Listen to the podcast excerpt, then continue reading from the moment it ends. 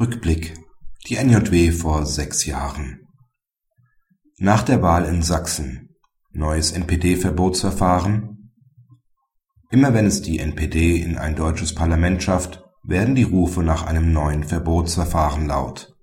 Nach der Wahl in Sachsen war es ein Vorstoß der CSU, der auf ein erneutes Verbotsverfahren abzielte.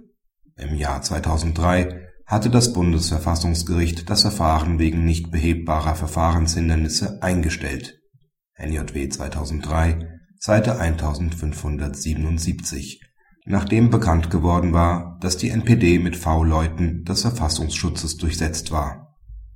Ist ein Parteiverbot in einer gefestigten Demokratie überhaupt geboten? Diese Frage hatte Martin Morlock bereits in der NJW von vor acht Jahren im Vorgriff auf die Entscheidung aus Karlsruhe gestellt